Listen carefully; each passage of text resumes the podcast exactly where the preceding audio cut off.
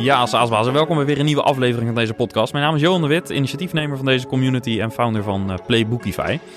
En luister je graag naar deze podcast en wil je nog meer in-depth gesprekken horen? Kom dan op 9 juni 2022 naar ons live event in Leusden. De SaaSbazen community komt die dag bij elkaar, die middag en avond bij elkaar, om te leren van elkaar en om te netwerken. Ga even naar de website saasbazen.nl voor alle informatie en tickets. Ja, en deze podcast wordt uh, mede mogelijk gemaakt door Leadinfo. Leadinfo is uh, software waarmee je ziet welke bedrijven jouw website bezoeken en waarin zij precies geïnteresseerd zijn. Dus je ziet ook het gedrag. En de software koppelt ook met CRM-systemen, zodat jouw uh, leads ook ja, gesynchroniseerd worden tussen je CRM-systeem en dat je kunt zien welke leads uit jouw pijplijn actief zijn op je website en bijvoorbeeld de prijzingpagina bekijken. En dat werkt met eigenlijk alle bekende CMS-systemen en CRM-systemen. Eh, zoals uh, HubSpot, Teamleader, Simplicate, ActiveCampaign, Zoho, Close, Keep, Pipedrive en uh, nog een aantal meer. En um, ja, als je meer wil weten en het gratis wil proberen, want dat kan 14 dagen, ga dan even naar leadinfo.com slash saasbazen. Vandaag saasbaas Thijs van de Burgt van Office App, nu tegenwoordig onderdeel van HQO. Thijs vertelt over zijn besluitvormingsproces omtrent zelfstandig groeien of overname. Wat in zijn geval de laatste is geworden. Maar we gaan een inkijkje krijgen in zijn besluitvormingsproces. Hoe is hij tot dat besluit gekomen? En ook over het integreren van bedrijven. Waar hij nu voornamelijk dus mee bezig is. De uitdagingen die erbij komen kijken. En wat hij leert van de Amerikaanse aanpak. Waar hij uh, nu onderdeel van is. Let's go!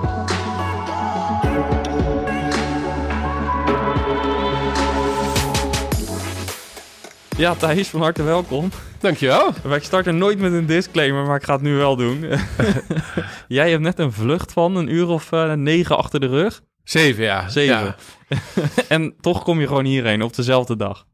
Klopt. En het was ook nog eens een horrorvlucht. Het was geen prettige vlucht. Nee, het was geen prettige vlucht. Ik heb een uurtje geslapen, dus het is... Uh, ik zit hier met kleine oogjes, maar ik heb uh, twee uh, hele lekkere bakken koffie gehad, dus ik kan er weer tegenaan. Ja, heel goed. Nou, mocht je wat gek zeggen vandaag, dan weten de mensen waar het, aan, waar het aan ligt. Ja, helemaal goed. Nou, super extra tof dat je de moeite hebt genomen om, om hierheen te komen. Alright. Um, dat gezegd hebbende, um, ja, kun jij kort vertellen welk bedrijf je hebt opgericht um, en waar je nu staat. Want het is nogal uh, een ontwikkeling geweest de afgelopen jaren. Ja, klopt. Uh, Thijs van der Burgt, um, de oprichter en CEO van uh, Office App. een workplace experience platform voor commerciële kantoorpanden. wat wij in het kort doen is um, alle systemen in een kantoorgebouw aan elkaar koppelen. Om zo um, een uniforme oplossing aan mensen in een kantoorpand aan te kunnen bieden. En aan de achterkant eigenlijk, in plaats van dat alle data in silo's zit, uh, centraliseren wij al die data om zo die te centraliseren en inzicht te geven uh, aan facility managers en property managers, hoe zij hun kantoorpanden kunnen optimaliseren. En uh, wat voor oplossing je dan aan de voorkant, waar je dan aan kan denken, is het boeken van een vergaderruimte, aanmelden van een bezoeker, een community waar mensen in kunnen communiceren. Uh, maar ook het aanbieden van uh, services en amenities. Dus uh, makkelijk een broodje kunnen bestellen, een yogaklas kunnen reserveren. Dus eigenlijk alles rondom de kantoorbeleving, die, dat leveren we. Um, en dat doen we op een holistische manier vanuit de marketplace SaaS. Um, sinds zes maanden zijn we overgenomen door onze grootste uh, Amerikaanse concurrent, uh, eh, HQO. Uh, eh, en daarmee zijn wij het bedrijf verder aan het laten groeien. Um, en dat is een hele leuke rit geweest. en daar gaan we het vandaag over hebben. Ja. hoe kwam je op het idee om te starten met Office App?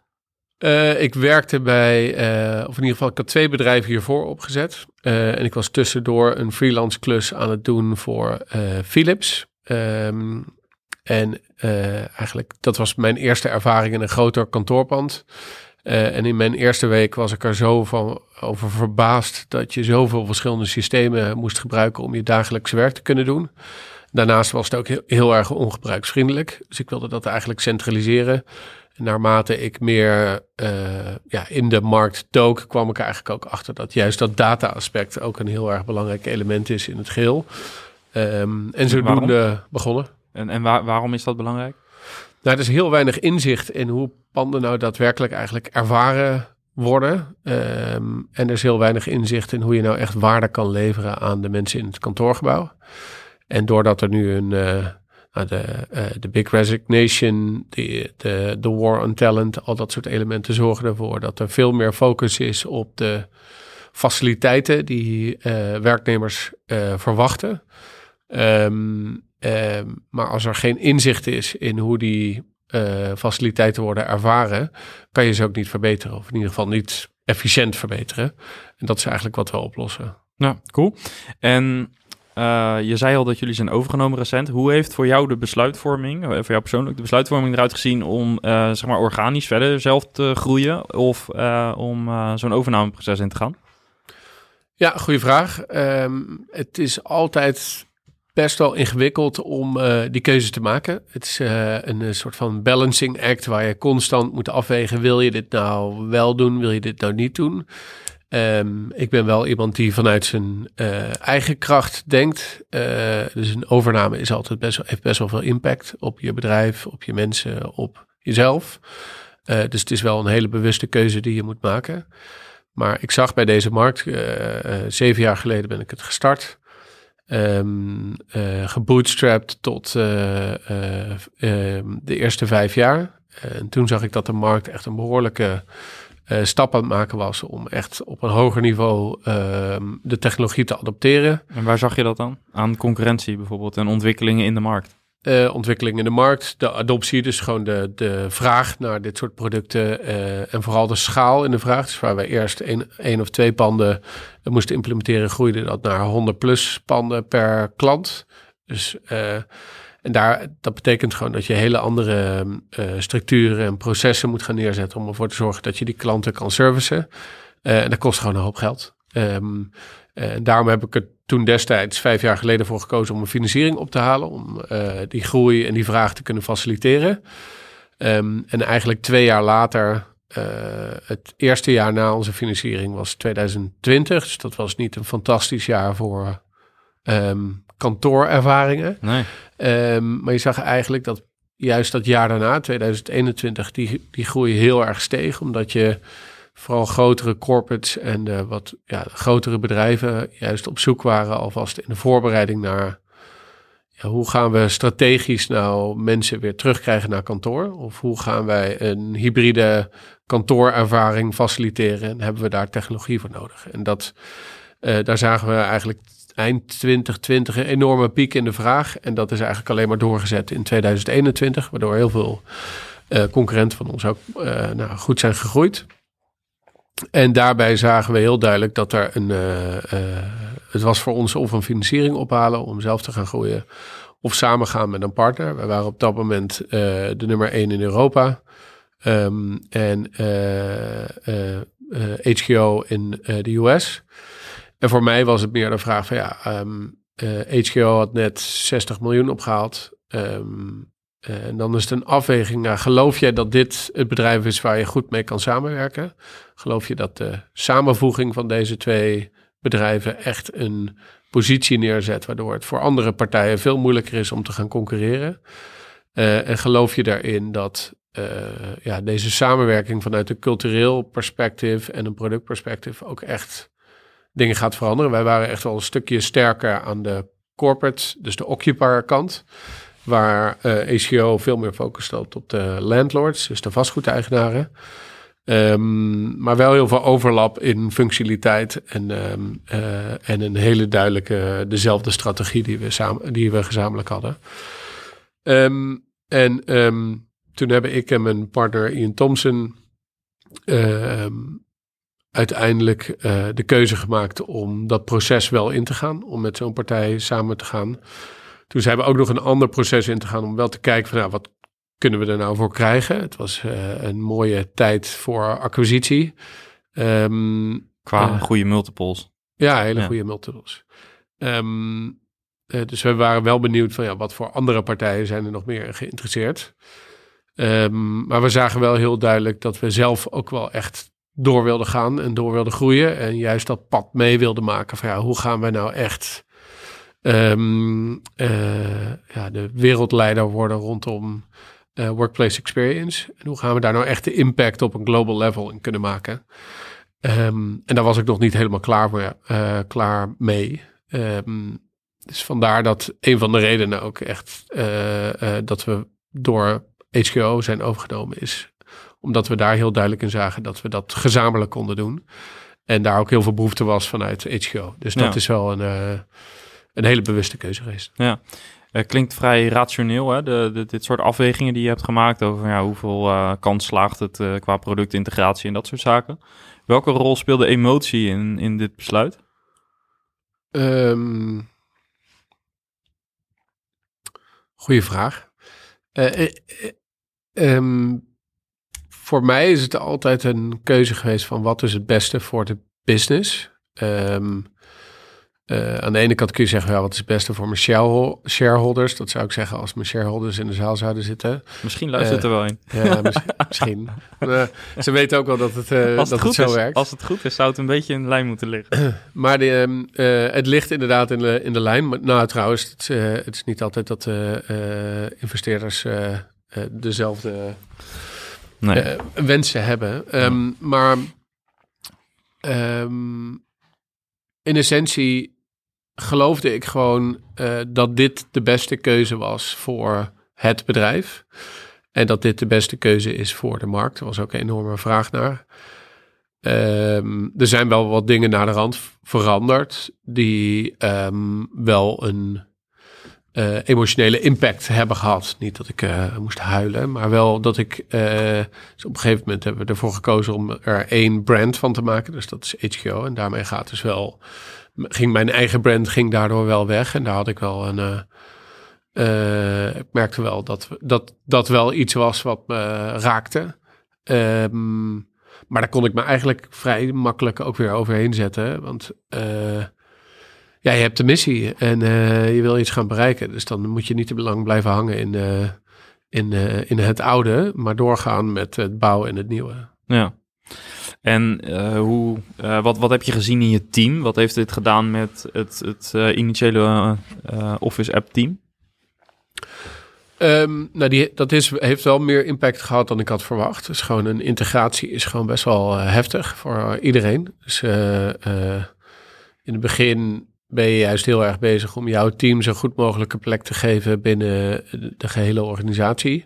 Maar je ziet daarna eigenlijk ook wel als je iets dieper in de hele organisatie ziet, dat het heel veel energie en flexibiliteit vergt van eigenlijk de hele organisatie. Of dat nou uh, het Amsterdam team is, dus het oude Office App team, of dat dat nou het, uh, de rest van de organisatie is.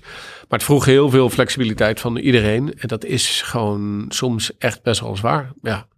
Um, en dat betekent wel dat je uh, ja, daar zoveel mogelijk in moet blijven helpen en um, ja, mitigaten. Dus gewoon ervoor zorgt dat je uh, dat de communicatie goed blijft lopen. En, maar dat is tegelijkertijd ook het, het moeilijkste onderdeel van allemaal, is de communicatie. Het is, uh, je zit toch op zes uur tijdsverschil. Uh, ik zat op dat moment nog niet in het executive team, waardoor je niet alle informatie volledig krijgt om die ook weer goed te communiceren naar het rest van het team.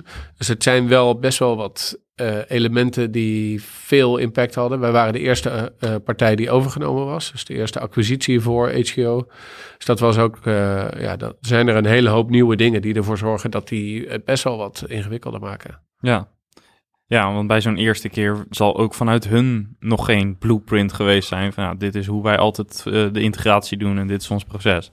Ja, ze hebben wel een. Ehm, dus de, ehm, de een van de investeerders heeft, had wel een playbook rondom de, uh, de integratie en een acquisitie in general. Maar alsnog, um, als niemand echt de operationele ervaring heeft, en er waren wel een paar mensen die dat hadden gedaan, maar juist de operationele tak had daar nog wat minder ervaring mee, dan zie je wel dat dat echt nog gewoon een iteratief proces is. Ja, ja. en. en jij bent nu verantwoordelijk voor het product. Ja. Eh, maar jij had eh, bij Office App in, in dat team, zeg maar, had je ook eh, bijvoorbeeld een marketeer. Die valt nu niet meer rechtstreeks onder jou dan. Die, zit, die valt nu onder een andere leidinggevende. Ja, maar die viel sowieso. Tenminste, ik was bij Office App was ik CEO en nu ben ik sinds een week ehm, eh, eh, VP of Product, dus verantwoordelijk voor de productorganisatie binnen eh HGO. Ehm, toen ik CEO was, wa- stuurde ik ook niet direct eh, een marketing manager aan. Eh, dat, daar heb je ook gewoon een, een executive team voor die ervoor zorgt dat dat gewoon iedereen zijn eigen ownership heeft en de verantwoordelijkheden heeft om bepaalde eigen takken te managen. Ja, want wat is voor jou nu de grootste verandering van vandaag de dag als eindverantwoordelijk voor het product versus CEO van Office App? Eh, dat je niet meer CEO bent. Eh, dat is een hele andere rol dan VP of Product. Ik denk dat een van de voordelen die ik heb, is dat ik eh, als CEO ja, heb je wel heel veel overzicht. Begrijp je heel erg wat de, ehm, de verantwoordelijkheden zijn en de wensen zijn vanuit verschillende departments. Ehm, en product is denk ik het meest centrale department van een organisatie, vooral in SaaS. Ehm, eh, vooral product-led organizations zie je heel duidelijk dat daar eh, eh, ja, dat product daar een heel centraal onderdeel in is. En dat betekent dat je heel erg goed moet samenwerken en heel erg goed ervoor moet zorgen dat je alignment hebt binnen de verschillende departments, omdat je anders heel veel onduidelijkheid krijgt en eigenlijk ehm, daardoor niet de snelheid kan hebben die je als organisatie zou willen hebben. Ehm, dus ja, dat gaat me wel heel goed af. Het is wel heel leuk om vanuit dat perspectief eh, de rol te hebben. En ik, eh, het is wel een flinke uitdaging, want is, eh, ja, er komen veel overnames ook bij. We hebben net weer twee andere bedrijven overgenomen. En dat betekent ook allemaal dat die ehm, producten onderdeel worden van de totale productportfolio. En dat ja, komt best wel met wat uitdagingen. Ehm, maar ik ben heel blij met de rol en ik vind hem heel leuk. Ja, en hoe ga je om met de praktische verschillen, eh, de, tijdzone, dat soort zaken? Ja, vroege ochtenden, late avonden, eh, dat is op dit moment wel het geval. Eh dat is ook een van de redenen waarom eh, we ook afgelopen week ervoor hebben gekozen om eh, met het gezin naar Boston te verhuizen. Eh, om ervoor te zorgen dat ik wat dichter bij de, ehm, de rest van het executive team zit, maar daarnaast ook eh, ehm, eh, in een wat eh, gunstigere tijdzone eh, mijn eh, dag kan werken. Want dat zijn wel intense dagen geweest de afgelopen maanden. Ja. Hoe was dat voor het thuisfront? Ja, ik heb een dochter van anderhalf en een zoon van vier. Dus dat is wel, een, dat is wel een flinke challenge. Ehm, en was het ook een makkelijk besluit voor je? Of?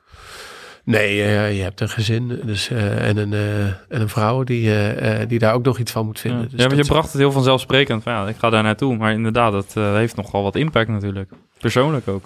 Zeker weten. Ja, dat heeft, een hele, heeft een behoorlijke impact. Ja. Ja. En hoe, ja, hoe kijk je daarnaar? Wat, wat gaat het je brengen, denk je? Ehm, in ieder geval een hele leuke ervaring. Eh, en wat ik heel duidelijk zie binnen een Amerikaanse organisatie, vooral in tech, of in ieder geval in, in SaaS in dit geval, is de snelheid vooral en de, de manier van denken en de, de enorme drang om echt die snelheid daarin te houden maar op een ander niveau dan ik gewend ben in Nederland. Eh, en ik vind die ehm, enorme druk op snelheid en waar een groot deel van het team eigenlijk heel snel eh, die snelheid kan volgen en dat ook begrijpt, vind ik wel heel erg indrukwekkend om te zien. Het komt ook weer met hele andere problemen dan je in, eh, in Nederland gewend bent, maar het is wel, eh, het is wel heel gaaf om dat mee te maken. Ja. Kun je eens wat voorbeelden noemen van wa- wat voor andere uitdagingen je krijgt binnen dit klimaat? Ja, keuzes worden gewoon heel snel gemaakt. Dus als er een bepaalde eh, overname gedaan moet worden, dan wordt zo'n keuze ook heel snel gemaakt. Eh, als er een bepaalde productbeslissing gemaakt wordt, dan kan dat ook heel snel gemaakt worden. Als er een, ehm, een andere structuur neergezet moet worden binnen een organisatie. Dus gewoon speed is aan alle kanten. Dus er moet wel een duidelijke business case omheen zitten. Dus er moet een goed plan gemaakt worden. Maar zo'n plan moet ook gewoon in een paar dagen eruit ge, uh, geakkerd worden. Uh, daar werk je met een heel team heel snel aan om ervoor te zorgen dat je snel die keuze kan maken. En dat uh, je voelt gewoon dat zo'n organisatie, ondanks dat het, het is nog niet enorm groot, het is 300 man, maar dat zo'n team wel echt heel snel kan gaan. Um, en dat vind ik heel knap. En, en hoe komt dat? Dus wat maakt zo'n organisatie sneller? Dus wat doen wij bijvoorbeeld in Nederland wat ons afremt? Uh, ik denk uh, meer democratische uh, team. ik denk dat, een, dat de democratie die je vaak ziet binnen een dus meer platte organisatie die je ziet, ik vind dat persoonlijk prettiger. want het is, het is een leukere manier van samenwerken. Het is daardoor challenge elkaar meer. Maar soms is het ook best handig om gewoon een knoop door te hakken en het er doorheen te duwen. En als je dan in Nederland ziet dat je, dat je niet alle neuzen dezelfde kant op krijgt, zie je dat je in de US dat als die beslissing eenmaal is gemaakt, dat er ook wel heel duidelijk um, alle neuzen dezelfde kant op gaan en dat iedereen wel volgt. Ja, een beetje de disagree en commit uh, van, van hoe uh, Amazon dat ook doet volgens mij. Hè? Dus je kan het ergens mee oneens zijn, maar toch commit je en je gaat. Precies, ja. ja. En wat, wat zijn, er nog andere dingen die wij als Nederlandse SaaS-bedrijven kunnen leren van uh, zeg maar de Amerikaanse cultuur binnen bedrijven? Heel eerlijk zit ik daar nog te kort ervoor um, om daar echt iets over te zeggen. Dit zijn ik mijn eerste um, uh, ingevingen en de eerste inzichten die ik heb gehad. Maar ik denk dat ik iets langer moet zitten om echt die duidelijke verschillen te kunnen uh, inschatten. En dat die ook echt een andere impact hebben op groei van een organisatie of iets anders. Ja, en, en heb je verder voor je echt persoonlijk al bepaalde dingen ervaren van je denkt van hey, dat is een, daardoor kijk je nu op een andere manier naar eh, je leidinggevende rol, anders dan dat het misschien iets autoritairder is bijvoorbeeld? Uh, nou, ik probeer wel een deel van mijn. Uh, uh, ik ben een ander soort uh, dus we, we, werken met een aantal consultants ook die, die helpen om um, disk profiles neer te zetten. Om ervoor te zorgen dat je elkaar wel beter begrijpt. Uh, maar ik ben heel duidelijk een heel ander profiel dan uh, de meeste andere executives in, mijn, in het team. Ja, want toch moet je wel ook Amerikaanse collega's aansturen die misschien wat ander type leidinggevende gewend zijn. Zeker weten. Dus ja. heb je het gevoel dat je je heel erg moet aanpassen? Of heb je, denk je dat je de ruimte hebt om uh, zeg maar de Nederlandse Thijs te zijn met, met jouw managementstijl? Nou, ik ben gewoon de Nederlandse Thijs. Dus dat, uh, uh, ik, ik kan me niet anders voordoen dat ik ben. En uh, dit is de manier waarop ik mijn team manage. En als dat niet werkt, dan werkt dat niet.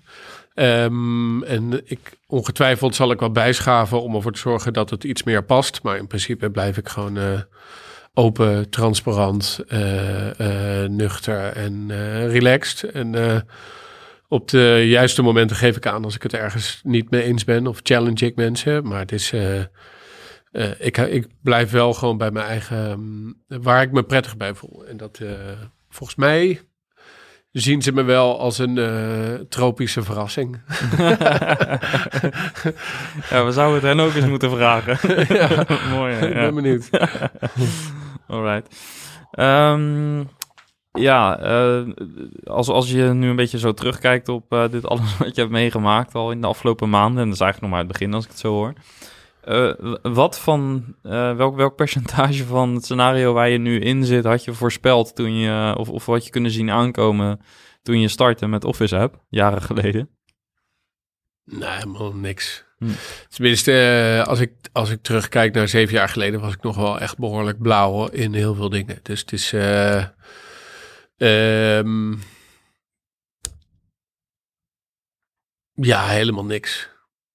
Nee, ik was echt wel een groentje nog. Ik had wel twee bedrijven hiervoor opgezet. Maar als ik kijk naar wat ik nu weet ten opzichte van zeven jaar geleden, dan is het wel. Uh, het enige is gewoon de, ik denk dat de, de, de productvisie en hoe ik dat voor me zag, dat dat allemaal wel redelijk uh, hetzelfde is gebleven. Uh, met wel wat aanpassingen, maar voor de rest juist het operationele, het strategische vanuit een business.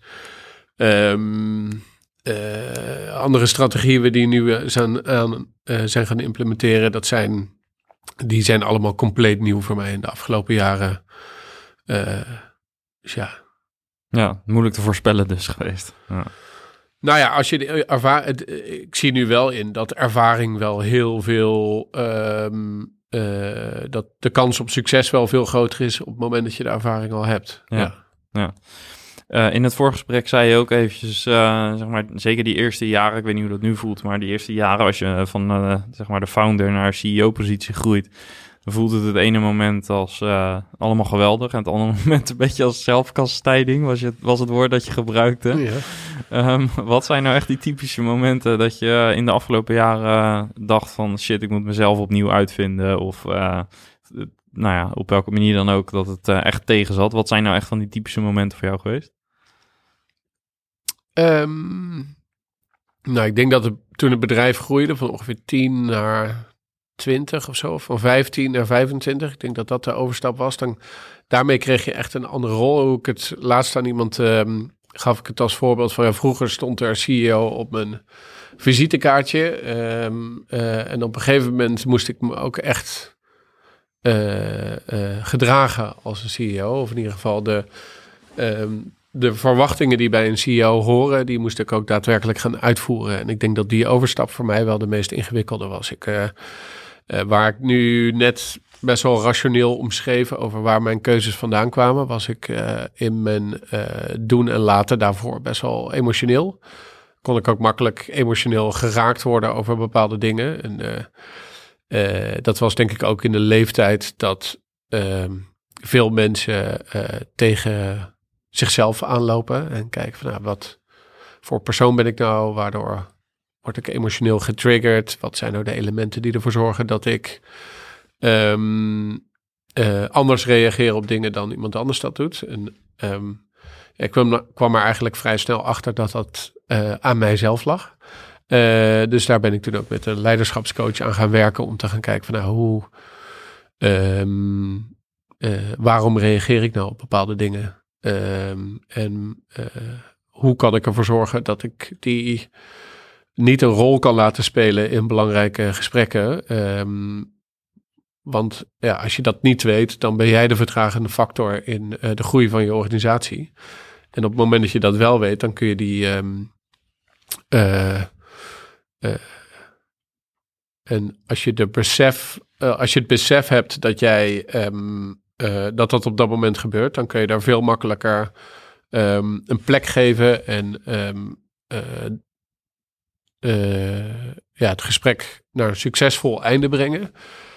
dan wanneer je de emotie de overhand laat zijn. En dat heeft voor mij heel erg geholpen, maar dat was ook direct een, een enorme switch waarvan ik heel veel de druk voelde vanuit de organisatie. Van, ja, jij, moet, jij bent degene die de, de leider is en de ownership moet hebben over wat wij gaan doen als organisatie. Hoe kwam ehm, het dat je die druk voelde? Waar, wat, wat, waren signalen van die druk? Nou, op een gegeven moment komen er, ehm, wordt een organisatie iets groter, waardoor processen belangrijker gaan worden. Uh, als je met vier man om een tafel zit, dan heb je even een 1 2 met elkaar en dan heb je het besproken. Maar als je uh, op een gegeven moment een team wat groter wordt, dan betekent het dat processen nodig zijn om ervoor te zorgen dat je duidelijkheid bij elkaar krijgt. Dus wie is waar verantwoordelijk voor, wie heeft uh, accountability uh, en, en hoe zorg je er nou voor dat je makkelijker ehm, met een groter team je processen kan managen. En daar moeten vaak keuzes gemaakt worden. En die keuzes die ja, die zijn weer gekoppeld aan een strategie um, uh, um, en een uh, missie en een visie. En die moet je ook op een bepaalde manier uitstralen. En daarmee kun je de koers bepalen voor je organisatie. En dat was heel duidelijk iets wat in het begin een, een transitie nodig had. Wat je bij heel veel bedrijven ziet overigens. maar in mijn geval was ik daar nog niet op voorbereid. Dus moest ik mezelf ook nog een transitie doorgaan. Ja. Hoe zou je die nu achteraf omschrijven? Wat is de belangrijkste les geweest in het werken met die, die leiderschapscoach? Dus je, je, je Ja, geeft- dat is heel persoonlijk, denk ik. Ik denk dat het gewoon belangrijk is. eh, ik denk dat het voor iedere leider belangrijk is om meer bewustzijn te hebben van jezelf. En meer bewust te zijn van waar, eh, wat vind ik belangrijk? Waarom vind ik die dingen belangrijk? Wat raakt mij emotioneel? En waarom raakt me dat emotioneel? En daarmee kun je veel makkelijker jezelf ook onder controle houden. En daardoor veel meer waarde, voegen, ehm, waarde toevoegen aan de organisatie. Ja. Ehm, eh, en hoe je dat doet en wat daar voor jou belangrijk is, dat is denk ik voor ieder individu heel belangrijk. Het enige wat ik wel kan aanraden is dat je dat, dat, je dat doet. Ja, zoeken naar eh, manieren om steeds bewust te zijn van je eigen gedrag eh, en van de emotie. En dat je, dat je die emotie, je hoeft hem niet te negeren, denk ik, maar dat je hem snapt. En dat je, dat je in een zekere mate van Ja, dus aan de in je ene kant jezelf beter leert kennen, maar ook wat je ehm, eh, wat, wat de verantwoordelijkheden zijn eh, die bij leiderschap horen. En, en hoe jouw persoonlijkheid past binnen eh, ehm, eh, jouw positie. Ja. Dat is voor iedereen anders. Eh, hoe heb je dit soort inzicht doorgegeven aan je team? Want uiteindelijk wil je ook natuurlijk dat die ontwikkeling die je zelf doormaakt, dat die ook in je team gaat spelen. Ja, ik vind het ook heel eh, bij, bij eigenlijk iedereen in mijn team, vooral mijn, degene met wie ik direct werk, heel erg belangrijk dat, dat zij diezelfde kwaliteiten ook hebben. En dat ze die bewust, dat bewustzijn ook van zichzelf hebben. Ehm, ik ben ook heel blij dat dat bij HGO ook vergelijkbaar is en dat daar heel veel aandacht en tijd aan wordt besteed.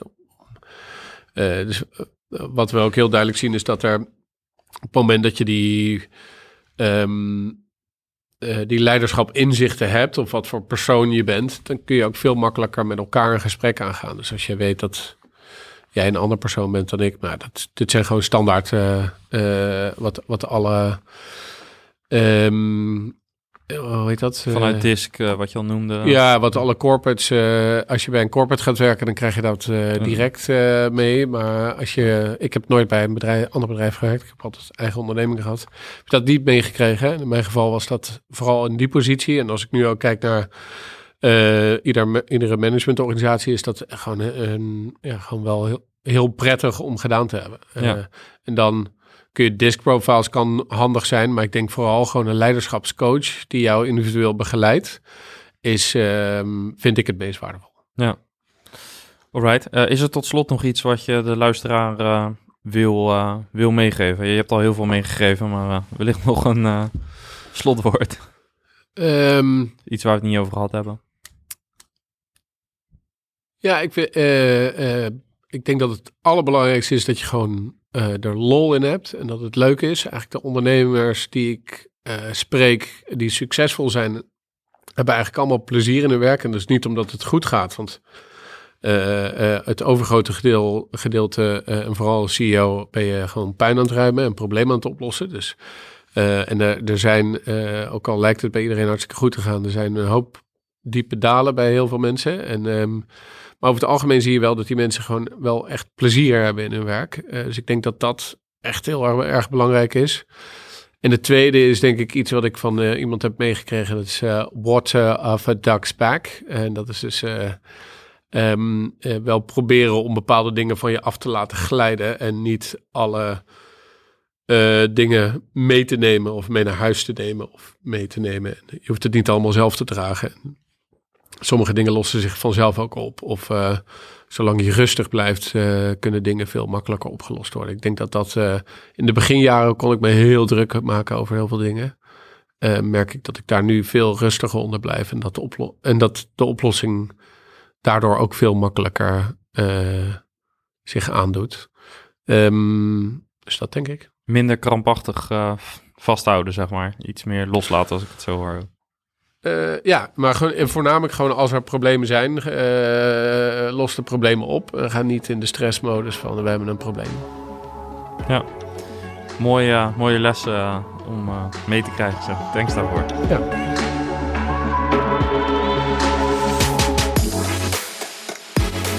Yes, en tot zover dus mijn eh, gesprek met Thijs. Nou, haal je waarde uit deze podcast? Kijk dan even naar ons eh, event. Op 9 juni 2022 komen we als SaaS-bazen community bij elkaar in Leusden. Een middag en een avond. Een uh, live event dus. Waar je tijdens het middagprogramma inhoudelijke keynotes en panelgesprekken kunt bijwonen over allerlei uh, verschillende thema's. Over hoe je, je de, de, groei van je bedrijf kunt versnellen. En s'avonds hebben we een uh, gezellig informeel diner om bij te praten met je bevriende SaaS-bazen. Ga naar de website dus saasbazen.nl voor meer info en tickets. En uh, voor nu heel erg bedankt voor het luisteren weer en graag tot volgende week. Ciao!